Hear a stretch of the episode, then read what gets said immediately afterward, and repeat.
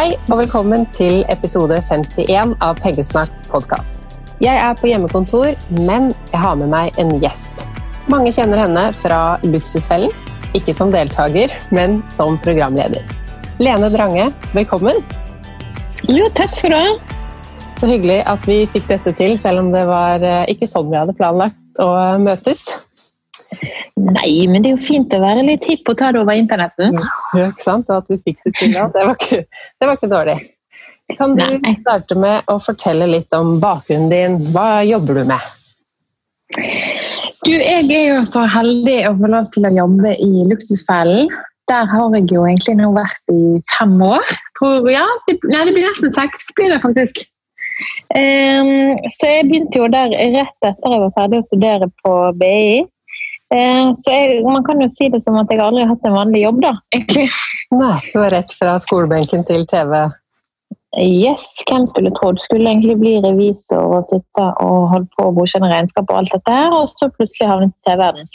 Så det var jo mye tilfeldigheter, da.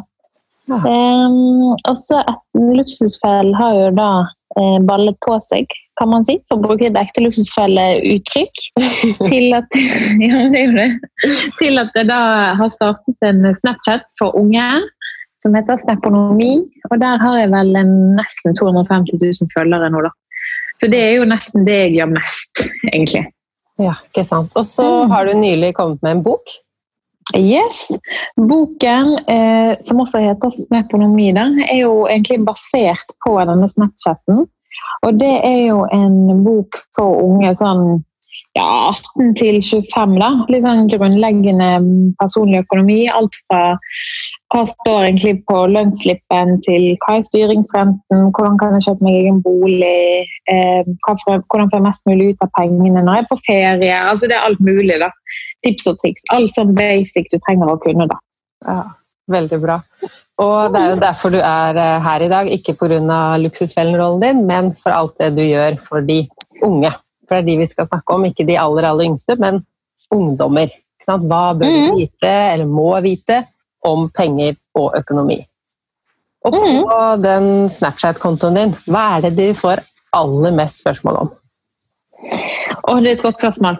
Det er jo veldig, det er jo veldig sesongbetont, da, kan man si. Ja. Eh, Så nå i det siste har det vært veldig mye permitteringer, og hva skjer med økonomien, og eh, hva skjer egentlig med verden. Eh, men hvis man ser bort fra de som er sånn sesongbetont, som jeg liker å kalle det, så er det veldig mye BSU. Ja. Det er mye i forhold til jobb og lønn, eh, og lønnsslipper og disse tingene her. Og og så er det mye sånn eh, hvordan kan jeg kjøpe meg bolig, er det lurt, hvordan er det i forhold til å leie? Og så er det da ulike kreditter, altså kredittkort og forbrukslån og kjøpe på avbetaling og sånn. Ja, er egentlig hovedtemaene. da har vi mye å snakke om. Eh. Eh, nå kommer jo skattemeldingen i disse dager, og noen får det kanskje for aller første gang. Er det Mhm. vanskelig å vite hva man skal gjøre med skattemeldingen for de unge? Eller for alle? Eh, nei, altså det som jeg tenker, sånn I utgangspunktet så er jo det med skattemeldingen er jo ikke så vanskelig, men det bygger seg opp en sånn frykt nesten, Mm. som er litt sånn allmenn. At sånn skattemeldingen, Da tenker alle med en gang 'å nei' eller 'å shit', det, nei, uff, det er ikke for meg, og det er tallet der har ikke kontroll på, og det er bare styr. og Så Det smitter litt over på de unge, så det er veldig mange som har litt sånn frykt for det. Og det har vi snakket litt om på min Snapchat eh, nå i det siste. Eh, Men altså det eneste du skal gjøre, er jo å logge inn og sjekke at de tallene som står der, stemmer. Altså, sånn, der står det jo din inntekt. Stemmer det med det du fikk på siste lønnsslippen i desember, eller stemmer det med årsmeldingen du fikk?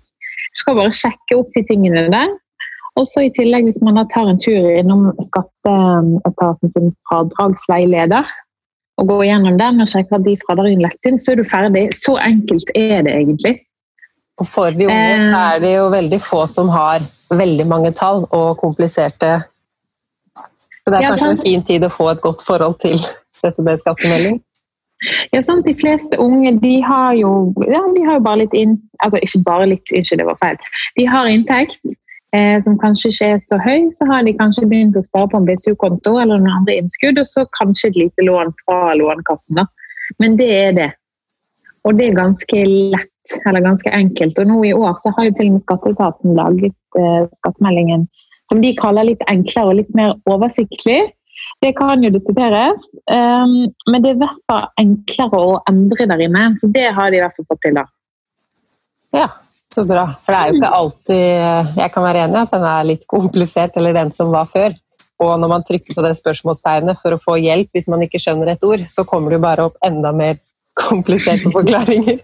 Så det har vært behov for en litt forenkling av den. Det kan jeg være enig i. Ja, og så Det som er veldig fint med den i år, er jo nå at eh, den regner jo eh, ut fortløpende. Så hvis du f.eks. legger inn et fradrag, la oss si BSU, da, for du har fylt den, så får du 5000 i fradrag. Så legger du det inn hvis ikke det er lagt inn fra før. da, Og så oppdaterer det tallet seg om hva du eventuelt skal betale, eller hva du får igjen da, fortløpende. Og det er jo litt fint. Istedenfor ja, at du leverer skatt. Ja, sant. Så det, det går fremover, men de har et stykke igjen. Og samme er det vel med utbetalingen, at man ikke må vente like lenge som tidligere hvis man har, mm. får igjen på skatten? Ja, hvis du er litt, er litt heldig og har litt enkle forhold og får igjen på skatten, ja, så kan du få det Det er vel to uker, ikke det de sier det, etter at du har levert? Så det er jo rekordkjapt for å være skatteetaten. Mm. Mm, så det er bra. Det går rett vei. Det går rett vei.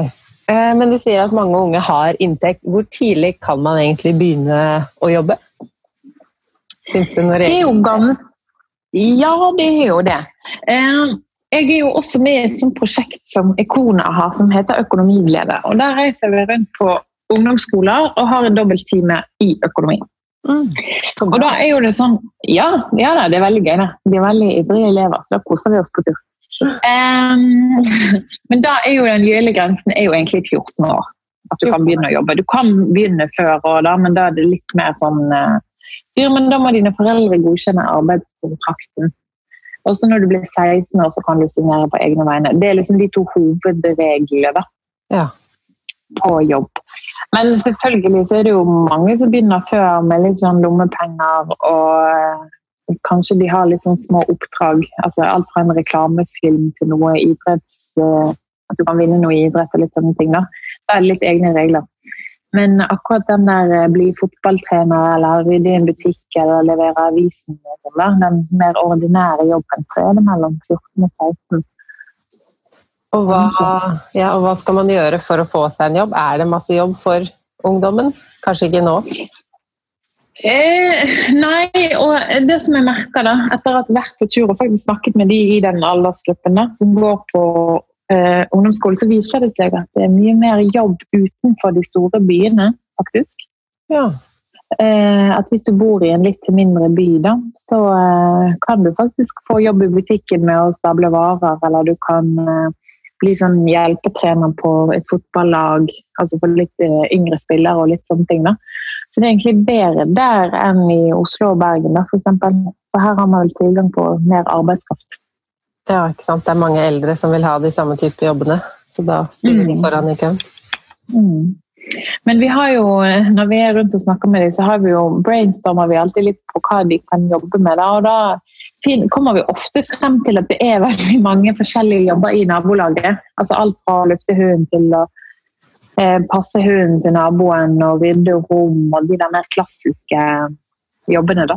Ja, male et gjerde og ja.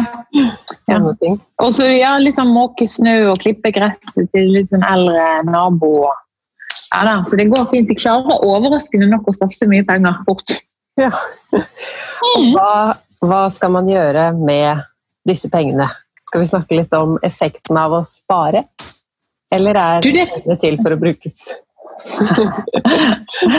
du, ja, der har vi alle litt ulik filosofi. Men jeg tenker jo det at uh, hvis man er Da tenker du på de som er 14 til 16? Ja. ja. Altså, da tenker jeg det er veldig lurt at foreldrene er litt sånn at de er litt på. At det er lurt å spare litt av de pengene òg, men litt for å lære den der hva ting koster. Og eh, at når man jobber, så kan man få kose seg med litt av pengene etterpå. er litt lur, da. Det er en sånn trygg filosofi, og den tror jeg kan vare litt. da. Og Jo mer du jobber, jo mer kan du bruke. Men og samtidig spare litt. da. Ja, For man har jo egentlig ingen utgifter. 14-åringer bor jo hjemme. Ja, ja, ja. ja, ja. Eh, og så tenker jeg det der at det er viktig å passe på at For da tror jeg faktisk mange foreldre gjør litt altså Jeg skal ikke si feil, men de tenker ikke seg om. For det at ofte med en gang barnet får, be, eh, får jobb, så tenker de ok, men da må vi opprette en BSU. Eh, og begynne å spare der, sånn at vedkommende kan spare til egenkapital til bolig. Selv om det er veldig langt frem i tid. da. Og Det er jo for så vidt en veldig god tanke, men det man må tenke på er at hvis barnet tjener under frikortet, eller hvis du har sånne småjobber som du ikke skatter så mye, eller ikke skatter i det hele tatt, eh, så får ikke du utnytte av denne eh, skatteletten på 5000 kroner som du får hvis du fyller hele BSU-en på 25 000. Eh, og hvis du ikke får den skatteletten, så er ikke den sparingen så lønnsom. Og det er ikke det så mange som tenker på. Eh, og da bør man jo heller enten ta en sånn BSU-start eller å sette pengene i fond, da. Ja, Så du anbefaler fondssparing for så unge? Ja, tenker, jeg tenker jo før jo heller. Og hvis man først skal spare, så kan man jo få litt avkastning. Kanskje feil å si i disse tider her, da, men sånn Det er jo kanskje ikke en dum tid å gå inn i heller. Nei, sant. Så det er det. Og man, hvis man begynner å spare i aksjefond når man er rundt 30 år, da, jeg snakker jo med mange som er i den aldersgruppa, så ser jo de at mm. å, ja, den effekten som er over tid Tenk hvis jeg hadde begynt med dette her enda tidligere. Oh, yes. Ja. Det, ja, det er rett. Eh, altså, hvis man skal spare i fond, så sier man jo egentlig at da må de pengene i hvert fall stå der i fem åtte år da, for å få liksom, ordentlig avkastning. Men for de fleste så har jo man egentlig mye lengre horisont. Altså, sånn som Jeg også sparer jo i aksjefond, men jeg tenker jo ja, ja, kanskje det blir bra om 20-30 år. da. At pengene bare surrer og går. da. Mm. Og den effekten mm. av rentes rente da blir jo i flere år, jo mer blir det igjen. Ja, forhåpentligvis blir han veldig god, da. Mm. Mm. Så boligsparing for ungdom, det anbefaler du ikke nødvendigvis til alle? Nei, altså, eller det som er betingelsen, skal du begynne med BSU og skal det lønnes deg, så må du være altså, Eller så må du tjene over frikortet, som er på 55 000. Eh, fordi at det som er greia er jo at BSU-sparing er jo den absolutt mest lønnsomme sparingen. og Da tenker man ut ifra den avkastningen man får. Da, på, altså Du sparer 25 000, du får 5000 kroner i skattelette og en rente på rundt 3% eller opp mot 3% Det varierer jo litt fra ulike banker. Men du får ikke like god avkastning på noe som helst annen form for sparing. Eller da skal du være ganske god, da. Ja, for da blir det jo i hvert fall med årets innskudd ja, 23% avkastning. Da skal du være god ja. for det du har hatt sted, ja. Ja, sant. Og så er den garantert. Det får du ikke noen andre steder. Mm, helt uten risiko. Eh, ja. Så det er jo eh, så det er greien, da. Men også tenker jo, for det er det som mange foreldre tenker, er sånn, ja, men det er jo en grense på 300 000, det er jo masse penger, og ingen kommer til å spare så mye. Men hvis du liksom ser litt ordentlig på det, og det er 25 000 som skal spares, så er det ikke så mange år. Altså Fra man faktisk begynner å jobbe, la oss si man er ja, rundt 22 før man får en ordentlig inntekt, der man kan faktisk sette av mye av pengene. Um, så er det ganske kjapt til du er 34 da, for å fylle BSU-en. Mm. Når du har den maksgrensen. Og det er jo mm. også grenser som kan endre seg, vel. det har de jo gjort før. Ja, men Gurland, det skjer ikke ofte. det har tatt tid. Og nå er jo det så mye snakk om at eh, BSU-en lager forskjeller i samfunnet at det bare er de som har velstående foreldre som klarer å fylle BSU-en. Det er ikke jeg enig i, da, men eh, det er mye snakk om det. Og den løsningen er jo veldig lukrativ, så det spørs hvor lenge den varer. Så jeg tror heller at de kanskje ikke fjerner den, men gjør den mindre lukrativ um, fremover, da, istedenfor å øke grensene. Men altså, hva vet jeg. Det er bare Men du tenker ikke at den er med på å øke forskjellen mellom fattig og rik? Nei, altså jeg tenker En student som eh, har en deltidsjobb i tillegg, klarer helt fint å spare 25 000 hvis man bare vil. Det handler om prioriteringer. Ja. sant? Og så får du litt mer hvis du får eh, litt igjen på skatten, eller du får feriepenger, du får halv skatt i desember. Hvis du på en måte har et fasttrekk på 1000 kroner, og så fyller du opp eh, på de andre anledningene der du får litt mer, så tror jeg det skal gå helt fint. Og da er ikke du avhengig av noen velstående foreldre. Det handler om hva du velger å bruke penger på, tenker jeg. Ja. Så det man kanskje er avhengig av, da er ikke nødvendigvis velstående foreldre, men foreldre eller andre som har fortalt deg om hva som er lurt. Yes. Og det er jo det som er eh, Ja, det er det jeg tenker er veldig viktig og blir en stor forskjell. Da. Hvem, hvilke foreldre som har snakka om penger hjemme, og hvem som ikke har fått med seg den kunnskapen hjemmefra. Mm. Ja, det er helt enig. Det er helt essensielt for å for å unngå en del blemmerter her i livet. Altså, det er jo sånn I luksusfellen så ser jo vi veldig tydelig altså Alle vi hjemme hos de har ikke lært om økonomi hjemme. Altså, det er kanskje skrekkeksempelet. da. Uh, men da kan du bare se hvor ille det går. da. Hvis du begynner kanskje når du er 18 år, sant? da får du et kredittkort i posten, og så får du tilgang til ulike billån og handlekontoer og forbrukslån og alt det der. Og så begynner du i det små, og så plutselig så er det 500 000. da. Nå sier jeg ikke at det kan skje med mange, og det gjør jo det. Um, men det er liksom skrekken på hvordan det kan gå når man ikke forstår konsekvensene av kreditter, f.eks. Ja, ikke sant. Så det må vi også snakke om. For eh, jeg fikk, som du sa, et mastercard i posten da jeg var 18. Og jeg mm. var jo litt redd for kredittkort, eller hadde en sånn naturlig skepsis. Men hvis jeg ikke hadde mhm. hatt det, så hadde det jo virka som jeg nå plutselig hadde nå vet jeg ikke om det var 10 000 eller 25 000 kroner å bruke. Og det ja. kunne vært gøy? Ja, det er jo gøy. For det, det, som eh, ofte skjer, det er jo akkurat det der. Og så er jo det litt sånn sant? Du har bodd hjemme. Du, veldig mange får jo nei fra sine foreldre når de ønsker seg ting. Ja. F.eks. noe dyre klær eller mobiler eller et eller annet. Så det er sånn, nei, det går ikke. Og det er jo veldig sunt, men det sier jo ofte de foreldre. Men så liksom når du først blir 18, da, så er det sånn åh, nå kan jeg jo kjøpe det sjøl. Det ordner seg. det er jo sant, altså 10 000 kroner, det går fint. det går fint. For det er jo mange unge som har en eh, som ikke helt har reflektert over så velstående de er med å bo hjemme og få kjøleskapet fylt opp. og vi forstår ikke helt kostnaden av det, da. Eller verdien av det. Eh, for eksempel så er jo nesten det å ha en iPhone en eh, menneskerett. da. Det er å dra det litt, litt på spissen, da, men alle har jo en iPhone. sant? og det koster jo Ja. Ja, Og fra de er ganske unge òg. Ja. Eh, og det koster jo 10 000-12 000 hvis du skal kjøpe en ny. Altså, da tenker du, eh, når da denne unge personen som nærmer seg 18 år, som er sånn ja, jeg ønsker meg ny iPhone for nei av sine foreldre, da kan få den dagen etterpå fordi du kan ta det på kreditt. Selvfølgelig frister det. Og når du er i den alderen, så er jo ikke impulskontroll helt eh, kontrollert, kan man si. Så hvorfor ikke? Og så er det jo gøy, og så tar man konsekvensene litt eh, når man faktisk må ta de, da. Og så ser man jo da hvor mye man skal betale i måneden, og per måned, hvis det er strekt utover tre år, eller noe sånt, så ser jo ikke det veldig avskrekkende ut. Nei, altså du har jo alltid 300 kroner til over, så det er jo ikke noe problem.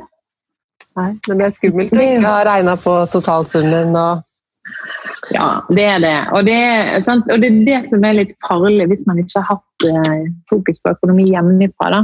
Man gjør sånne dyrebare feil Mm. Eh, som lett kunne vært unngått hvis man bare hadde lært det hjemme, da, eller på skolen. selvfølgelig. Men hvor farlig er det å handle på kreditt når man er 18 år, 19 år? Um, det kan jo fort bli ganske gale, og det spørs jo uh, hvilke nett du har rundt deg. Altså Hvilket sikkerhetsnett du har rundt deg. For Det syns jeg heller skiller på de som har velstående foreldre eller ikke, om man kan bli kjøpt ut av ting. Mm. Eh, for det er jo veldig mange unge som da bruker litt kreditt, gjerne tar på sin første utlandstur med venner. Eh, bruker litt for mye penger der og kommer hjem igjen. Har tatt det på da, et kredittkort, ikke får betalt tilbake. Ser da først at rentene begynner å løpe og finner ut at dette kan kanskje bli dyrt.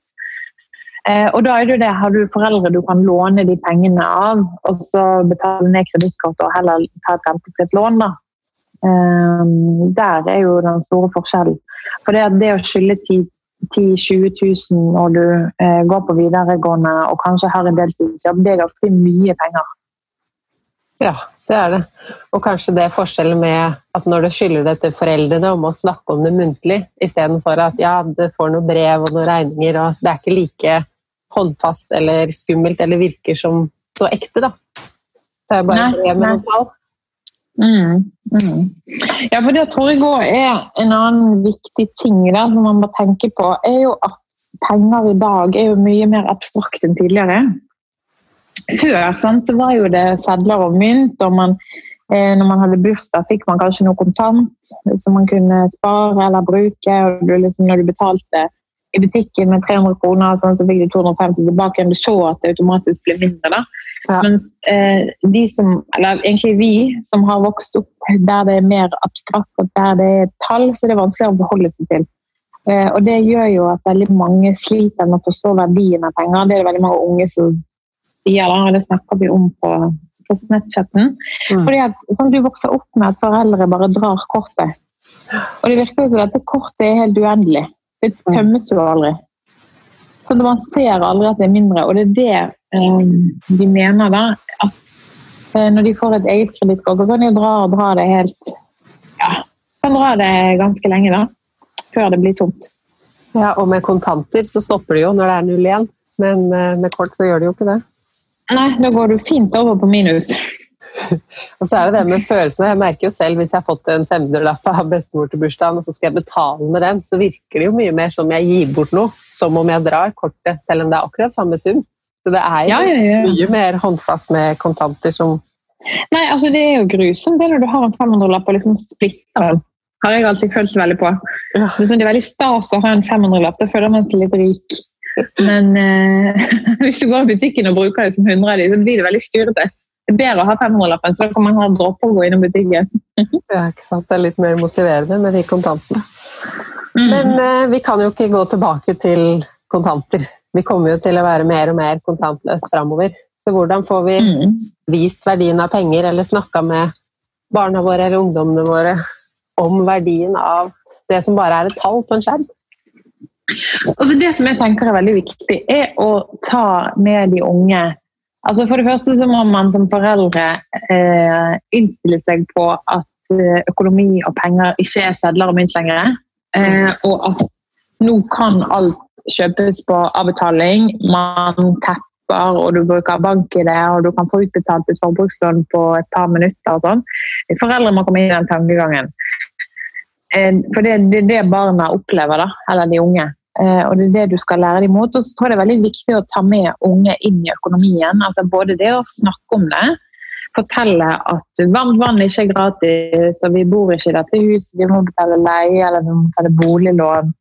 Eh, alle de store tingene. Men også ta de med inn i nettbanken. da, både sin egen, men også i barna sine, for å få dette tallet til å henge i hop.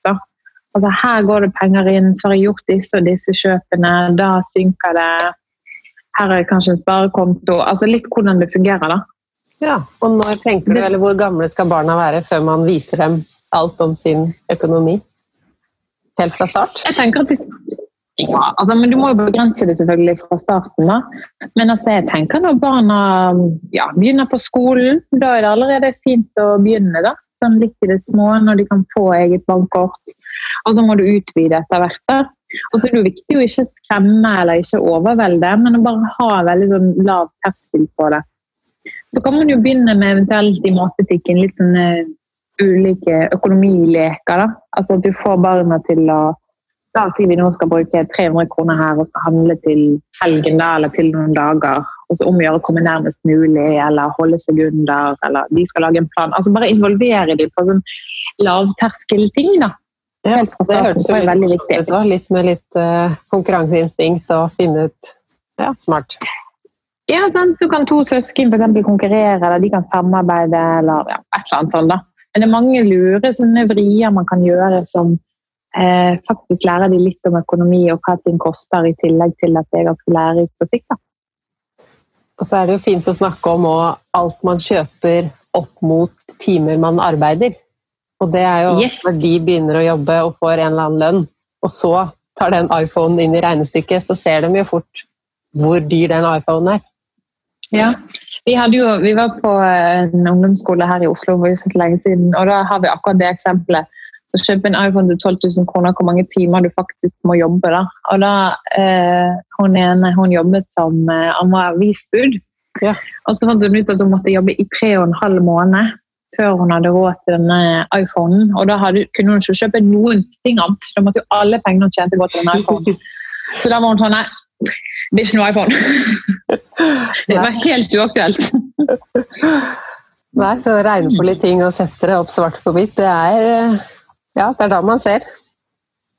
Ja, og så tror jeg også det der med at det er jo en del foreldre altså Hvis barn ønsker seg noe, da, eh, og liksom lærer de det der å sette et sparemål, at man trenger ja, 5000 kroner for å kjøpe noe, da, at man faktisk av og til kan hjelpe de litt i den sparingen hvis de er flinke. da, altså At man kan motivere det litt.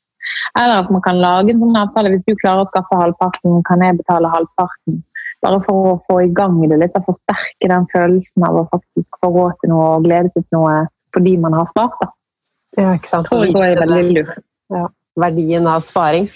For det vet Jeg jeg Mhm. snakker jo med mange voksne også, som ja, det er ikke noe vits i å spare, for jeg kan spare så lite, det blir ikke noe ut av det. Men hvis du faktisk Mhm. begynner å spare, så ser du jo at det blir noe ut av det over tid. Mm.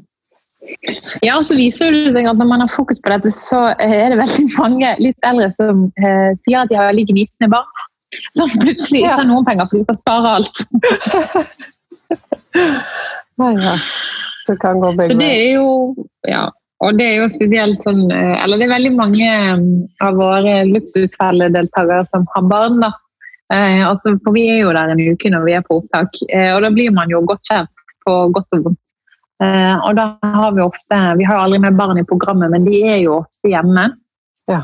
hvis de har barn, så vi blir jo litt kjent med dem, da. Eh, Så da lærer vi alltid barna litt om økonomi og litt sånn i tillegg. Da, og da blir jo også disse barna veldig gnitne etter hvert. hvis det seg. Så det er litt fint, da. Da passer de på foreldrene.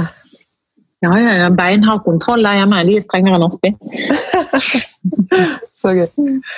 Eh, men mens du snakker om luksusfellen, hvordan unngår man å havne i luksusfellen? Er det noen liksom helt konkrete ting som du vet at nå er jeg på vei et sted jeg ikke vil havne i min økonomi? Ja. Eh, altså Den største grunnen til at du havner i luksusfelle, er jo at det skjer et eller annet uforutsett med din økonomi. Og Da er det typisk samlivsbrudd, eh, eller at man mister jobben.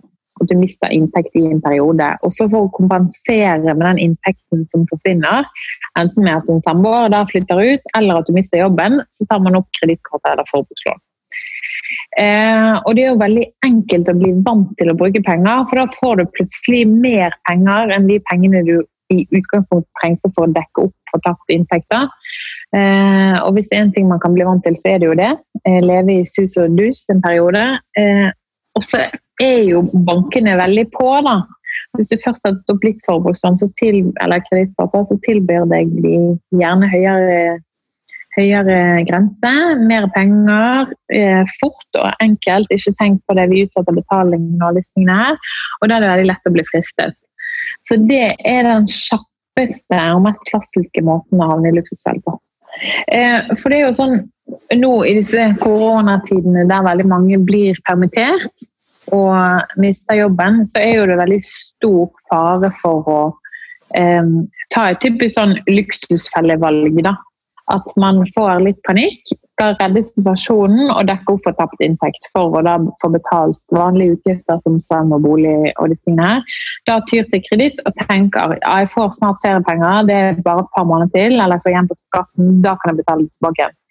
Det er en livsfarlig tankegang hvis ikke man er veldig konsekvent. Eh, fordi at når man da kommer frem til at man får igjen på skatten, så var det kanskje ikke nok, du får ikke betalt ned hele, og så blir du hengende etter. Og så bare baller det på seg. Eh, og jeg forstår jo nå at det er vanskelig, eh, men bare vær så snill, ikke ta sånne kjappe, lettvinte løsninger der du sitter litt seint sent på kveld uten å ha snakket med familien eller noen rundt deg, eller et eller annet, og bare prøv å fikse det på egen hånd. Da går det fort veldig galt, da. Hva skal man gjøre isteden, da? Hvis man nå har blitt permittert og ser at nå får jeg mye mindre inn i månedene framover, og det kan vare lenge. Ja. Da må man eh, lage en plan, sette seg ned. Hva kommer faktisk inn? Og der er jo Nav sin dagpengekalkulator ganske fin å ha, for da får du i hvert fall et tall på sånn noenlunde hva du kommer til å få inn fremover i forhold til hva du har fått før. Og så er det å gå gjennom hva som faktisk må ut. Og da er det fint å sette opp en liste på det som er faste utgifter, og det som er mer variable, da, eller som du kan velge vekk. Og så er det å se litt på har jeg noe på konto som jeg kan bruke. Har jeg en buffer, har jeg noe fond, har jeg et eller annet? Hva er planen, og hva er scenarioet her? Eh, og så er det også dette med at man kan jo prøve å redusere kostnadene man har eh, med, altså med å eh, få avdragsfrihet på boliglånet, kanskje utsette Lånekassen eh, og disse tingene her. Men så er det jo samtidig det, for dette spørsmålet får jeg ofte, hva hvis man da ikke eier bolig, men leier? Ja.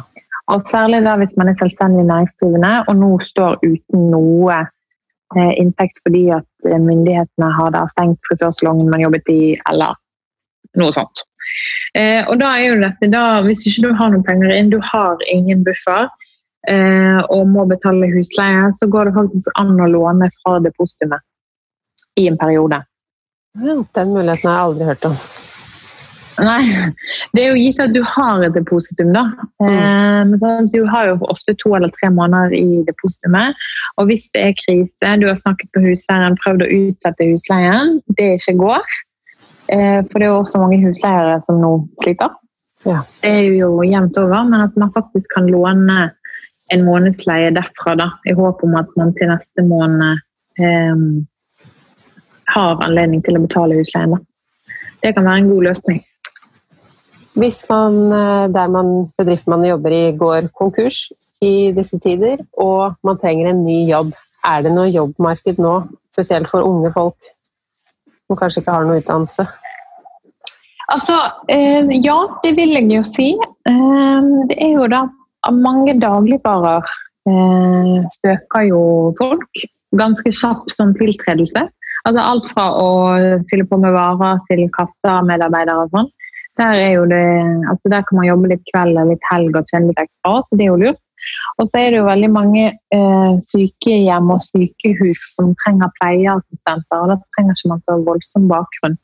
Og Da vil de ofte ha unge folk, og der er det jo egentlig man kan tjene mest som ung ufaglært. Ja, for der kan man jobbe nattevakter og Ja, helg og kveld. og Mm. Så akkurat for unge ufaglærte, nå er det ganske konkurranse om de jobbene, der, men der har det jo eh, vist seg at det er gode muligheter i disse dager. Bra. Um, du har fortalt meg at bank-ID må vi snakke litt om. Mm. Særlig for de helt yngste og har fått denne bank-ID-en, som egentlig gir veldig mange tilganger. Mm. Ja, ja, det er jo en del av denne utviklingen vi er i, er at hvis du får tak i noen sin bank i så kan du gjøre ganske mye. Altså Man kan jo endre navnet til personen til å ta opp eh, kreditt. Det er ganske stort som spenn man har i det. Og nå er det sånn Du kan få bank-ID ned i 10-12-årsalderen, samme som med bankkort. Eh, og Hvis du gir det til en tiåring, og du må ha en firesifret kode, eh, så blir jo ofte det bursdagen. da. Har du bursdag 1.1, eh, så blir det 0101 typisk for at vedkommende skal huske den. Det var ikke så smart. Nei, men det er sånn typisk. Eh, når man da nærmer seg 18 år, så har man ofte samme PIN-kode overalt. Altså på mobil og på bank-ID-en og på alt fra printeren på jobben, da, men man har ofte én kode. Eh, og da er det veldig lett for at man gir den koden til andre, til venner og til bekjente og til kjærester og ekskjærester og alt mulig. Eh, og når man da først bikker 18, så er det jo mange andre som har funnet ut av dette, og som prøver å lure til seg andre sine bank-ID-er for å da enten kjøpe en iPhone i deres navn, som de får tilsendt til seg sjøl, som de bruker, eller som de selger videre og så tar opp kredittkort eller forbrukslån. Eh, og det som jeg merker, dette skjer jo med mange av mine følere eh, stadig. Og der er det litt sånn Oi, shit, hva skal jeg gjøre? Noen har tatt opp 20 eh, 000 i, mitt kredit, nei, i et kredittkort i mitt navn. Eh, nå har det gått til inkasso. Eh, og da er jo det Måten man gjør det på, er jo for det første må man konfrontere vedkommende, og så må man anmelde vedkommende for banktyveri. da. Men vet man, man vet vel ikke alltid hvem det er? Når det er tatt opp i ditt navn, så står det jo bare ditt navn. Ja, men du, finner, du får jo vite når, da. Så de fleste klarer å tenke seg tilbake igjen til, og så får de ofte, hvis det er en iPhone, så vet de hvor den er sendt til. Den er jo ikke sendt til din adresse, men til vedkommende sin adresse. Mm. Ofte. Så man klarer, stort sett klarer man å finne ut hvem det var som gjorde det, da. Eh, men det er jo flaut. Det er veldig mange som ikke tør å si det til sine foreldre. De tør ikke si det til venner, de tør ikke si det til noen. Og så blir det til slutt sånn at man ender opp med å betale fordi eh, man ikke vil tenke mer på det da, og ikke ta stilling til det helt. Eh, så det er veldig sånn skinke, det der, og det, er, det kunne veldig lett vært unngått. Eh, for det som er viktig med tanke på all økonomi og hvordan økonomien fungerer i dag, er at man har en opplæring eh, i det. Forbruk og utgifter, inntekter, alle tingene, men også bank-ID. Det er utrolig viktig for å unngå disse tingene her. Sant? Og få inn den rutinen med at når du har bank-ID, så må du jevnlig skifte passord. Eh, du må passe på å ha ulike koder på det, mobil, bank-ID og bankkort og alle tingene her. Og så kanskje du deler det med noen at det er din personlige. Sant? Og man har jo hatt nok av saker i media i det siste der eh, det er massivt med bank-ID-svindel i mm. hverandre sine navn, og hvor galt det kan gå. Da. For det som er problemet, er jo at hvis du har vært uforsiktig med din bank-ID, så må jo du dekke opp for det kravet. Altså Du kan da gå til en sak mot han, som, han, eller hun som har gjort det. Men du må også betale det som er utestående til inkassoselskapet eller til banken der det blir tatt opp. Ja, sånn, så det er to ulike saker. Ja, sånn. Um, så det kan fort bli ganske dyrt, da. Så det er viktig å være forsiktig. Mm. Ja. Så bank-ID-en, hold den hemmelig og bytt den en gang i året. Er det det du råder til? Jeg ville byttet annenhver måned, hver tre måneder. Noe sånt. Så ofte, ja. Ja, da har jeg noe å gjøre. Men altså, det kommer jo an på hvem du er som person. da. Altså, sånn, hvis, det, hvis, du absolutt ikke sier det til noen ting i noen og er helt sikker på at ingen kan det, og, sånn, så går det fint å gjøre det sjeldnere. Men jeg tenker annenhver tredje måned er har er du godt innenfor. Ja. Og så ikke ha det mm. samme på mobilen. Det var lurt, for det er den koden man ofte gir bort. Jeg gir jo ikke bort bankkortkoden min, men den å åpne mobilen, det det kan jo fort skje. Ja, sant. Og så kanskje du har samme kode i VIPS. Ja. Så hvis f.eks. unge der, hvis du har vært på og kjøpt sushi og skal du vippse tilbake igjen, så sånn ja, men bare bruk vipsen min og vips tilbake til deg sjøl fordi man egentlig skulle bytte sang. Sånn? At man bytter mobil og sånn. Så det må man passe på, da. At det er ulike koder på alt. Det var en mm. bra påminnelse. Ikke bare for de unge. Ja, men det er bra. Eh, og sånn eh, Avslutningsvis tenkte jeg å spørre deg hva er det du nå veit om penger og økonomi som du kunne ønske du visste da du var 15? Er det noe du ikke har snakka om til nå? Oh, det var et godt spørsmål. Um, eh, oi. Nei, eh, altså Hjemme hos oss hadde vi veldig fokus på dette med økonomi. og Jeg begynte å jobbe tidlig og skjønte liksom fort at Eh, det skulle mye penger til for å få det man ønsket seg. Mm. Um, men jeg skulle nok visst litt mer om sparing, egentlig. Altså ulike former for sparing. Da. Men nå er jeg veldig opptatt av økonomi. Det er ikke alle som er interessert i det. Men at man i tillegg til, tillegg til BSU eh, kunne lært litt mer om fond og aksjer og litt sånne ting. Da. Men da må jo foreldre være oppdatert på det også, da. Ja, egentlig. Ja. ja. Det er det samme jeg tenker egentlig. At det er den tingen jeg kunne ønske jeg visste mer om. Fordi alt jeg visste om fond og aksjer da jeg var 15, var at det var kjempeskummelt og høy risiko, og det var gambling omtrent. Og det er jo ja, sånn. Nei, det er det. For det, det, var sånn, for Jeg husker når jeg, fikk, jeg begynte å jobbe på et sykehjem da jeg var 16. Eh, og det var sånn, Med en gang jeg fikk den jobben og begynte å tjene litt penger, så var mamma sånn Nå skal vi banken åpne BSU. Nå skal du begynne å spare til bolig. Og det var flott, det. Men at man kunne fått litt eh, mer, da.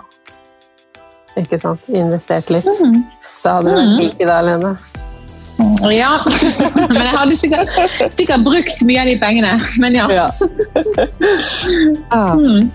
Tusen takk for at du kom og delte så mye kunnskap. Jeg tenker at her er, eh, altså Mange av lytterne i Pengesnakk podkast er jo i den alderen at de har barn som uh, Mm. Trenger å lære mye av det her. Mm. Det var jo bare hyggelig. Bare stas, dette. Vi snakkes. Ha det bra. Yes. Ha det. Ha det.